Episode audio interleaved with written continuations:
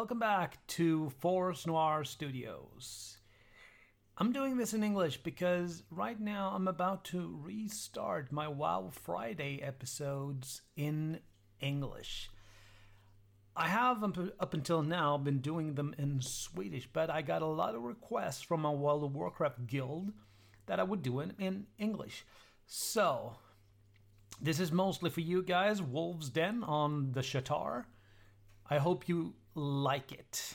It's time to go back to the beginning of the World of Warcraft.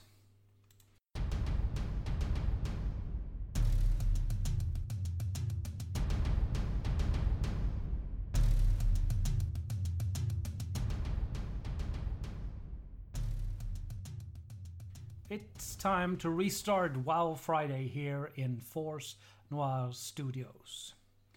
WoW stands for World of Warcraft, Blizzard's MMO, massive multiplayer online game. In this segment of the podcast, I will go through WoW's lore from start to finish. To help me with this, I have World of Warcraft Chronicles 1 to 3. The idea is that there will be episodes of 10 to 20 minutes each every Friday. I first did this in Swedish, but after quite a few requests, I will now start over and do this in English instead. Alright, we're off. To Azeroth. In the beginning, all there existed was light and shadow.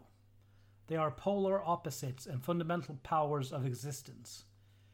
Pure light and shadow exist on a plane outside of reality.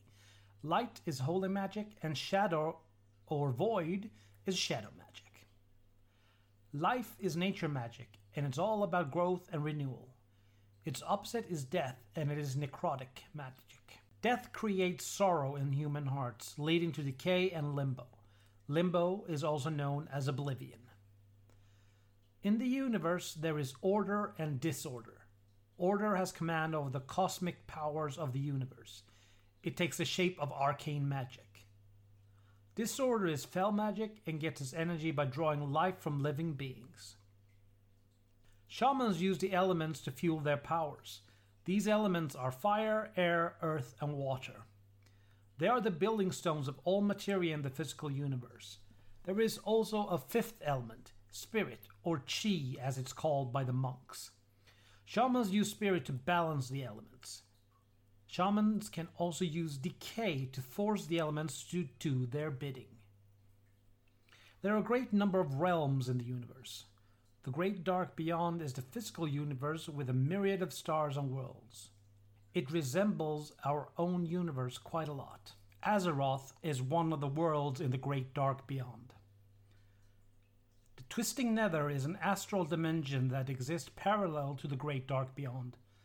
Light and void clash at the edge of the twisting nether, causing great explosions of energy. Sometimes these energies bleed into the physical universe and cause reality to be contorted. The Emerald Dream is an ethereal realm where spirits and untamed nature exist parallel to Azeroth. The two realms are like an echo of each other, and what happens in one reality is echoed in the other. Shadowlands is also linked to Azeroth. Where Emerald Dream is life, Shadowlands is death. Now that we know the building blocks of the Warcraft universe eons before the game we love takes place, it is time to talk about the different creatures that lives here. We have Void Lords, Naaru, Titans, Burning Legion, Old Gods, Wild Gods, Elemental Spirits, and Undead. Void Lords are monstrous beings of pure shadow energy. They are cruel, without mercy, and driven by hunger that can't be sated. They want to devour all materia and energy in the physical universe. They exist outside Azeroth's reality. Only the strongest of them can manifest in the physical universe, and only for a limited time.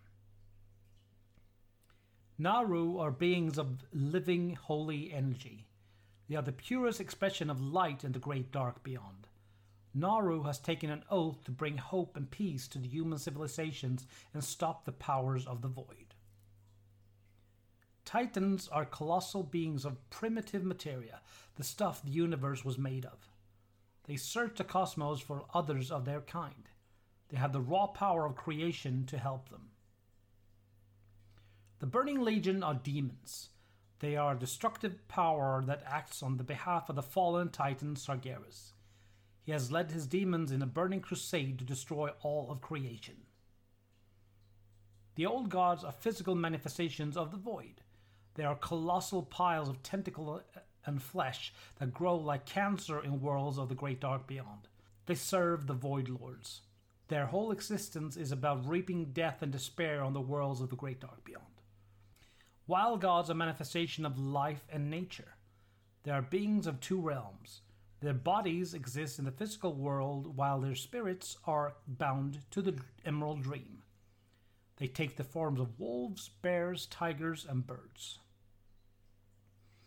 Elemental spirits are primitive, chaotic beings of fire, earth, air, or water. They are always the first sentient beings on young planets. There exists a fifth element, spirit. If there are overflow of spirit, the elemental spirits will remain passive. If the world has too little spirit, they are aggressive and destructive. Undead are former humanoid beings that has died and are trapped between life and death. They are awoken and sustained by necrotic magic and driven by revenge and hate against all living. So, why do I go over all of this? Because it will be so much easier to understand the rest when I delve into the mythos. Before life began, before even the cosmos took shape, there was light and there was void. Unfettered by the confines of time and space, the light swelled across all existence in the form of, of boundless prismatic sea. Great torrents of living energy flitted through its mirror depths, their movements conjuring a symphony of joy and hope. The ocean of light was dynamic and ever shifting.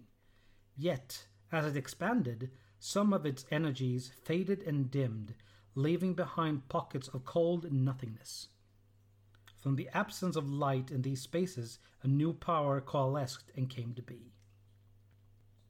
This power was the void, a dark and vampiric force driven to devour all energy, to twist creation inward to feed upon itself. The void quickly grew and spread its influence, moving against the flowing waves of light. The mounting tension between these two opposing yet inseparable energies eventually ignited a series of catastrophic explosions, rupturing the fabric of creation and birthing a new realm into existence.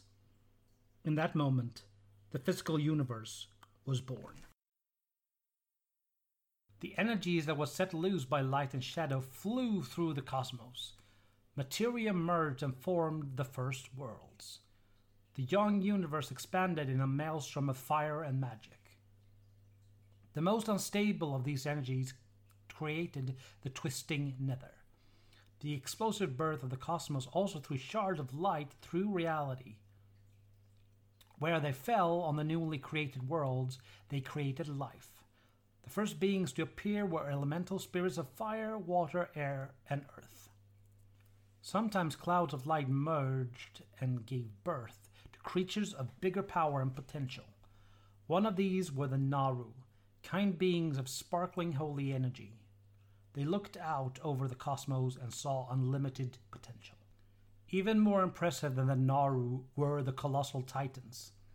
Their spirits, known as world souls, were formed deep in the planet core.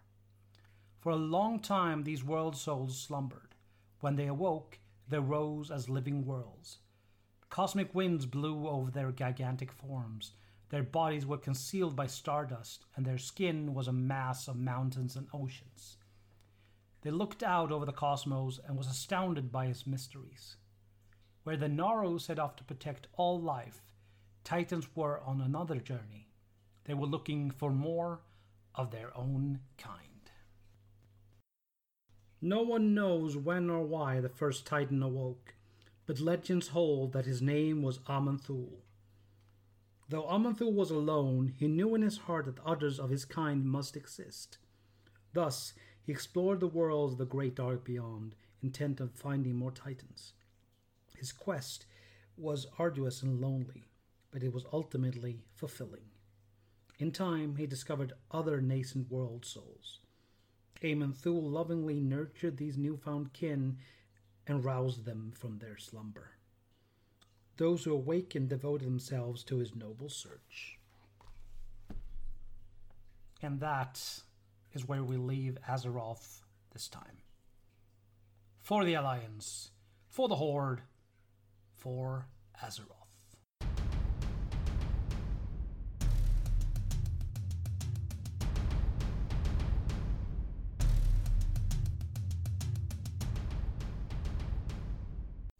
Thank you for listening to today's episode. Uh, I would like to mention that in the beginning, I say that this will come out every or every other Friday, and that is another thing. Uh, since I wrote that intro, I have been doing more segments of the podcast, so I don't really have time to produce as many WoW Friday episodes that I would like. The fact is that they will come out once every month on, of course, a Friday. The music in the episode is made by Imaginary Stars Production. Take care of yourself, and I will see you soon. Stay tuned.